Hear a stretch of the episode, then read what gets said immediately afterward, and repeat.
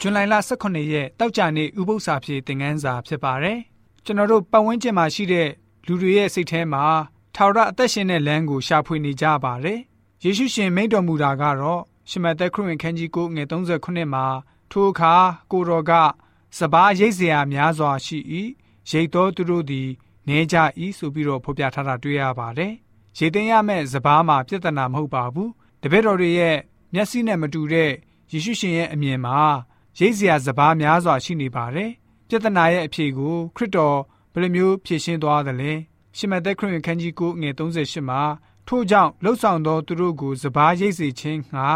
ဆလွတ်တော်မူမိအကြောင်းစပားရှင်ကိုဆုတောင်းကြလော့ဟုတပည့်တော်တို့အားမိန့်တော်မူ၏ဆိုပြီးတော့ဖော်ပြခဲ့တာတွေ့ရပါတယ်။အဖြေကတော့ဝင်းမှဲ့လျက်ရှိတဲ့ဖျားရှင်ရဲ့စပားခင်းကိုရိတ်သိမ်းဖို့လှုပ်ဆောင်မဲ့သူကိုဆလွတ်ပေးပါလို့တောင်းလျှောက်ဖို့ဖြစ်ပါတယ် အဲ့ဒီဆုတောင်းချက်ကိုကျွန်တော်တို့ဟာဘာကြောင့်မတောင်းကြတာလဲ။ကိုရောရဲ့နိုင်ငံတော်အတွက်ကျွန်ုပ်ပါဝင်လှုပ်ဆောင်လိုပါတယ်။ကျွန်ုပ်ရဲ့မျက်စိကိုဖွင့်ပေးပြီးတော့ကိုတော်ပြင်ဆင်ပေးတော်မူတဲ့အထူးအခွင့်အရေးတွေကိုမြင်စေတော်မူပါနေ့စဉ်ကိုတော်ဟာကျွန်ုပ်ရဲ့မျက်စိကိုဖွင့်ပေးခဲ့ပါတယ်ကျွန်ုပ်ပတ်ဝန်းကျင်မှာရှိတဲ့သူတွေကိုတနာပြီးကိုချင်းစာတရားထားနိုင်ဖို့ကျွန်ုပ်ကိုတွင်တင်တော်မူပါမျှော်လင့်စရာစကားတွေကိုပြောဆိုနိုင်ဖို့မဆကူညီတော်မူပါ အခြားသူတွေကိုကိုတော်ရဲ့တမန်တရားလမ်းကိုတော်ရဲ့မေတ္တာတော်အကြောင်းကိုဝေငှနိုင်ဖို့မဆတော်မူပါနေ့စဉ်နဲ့အမျှ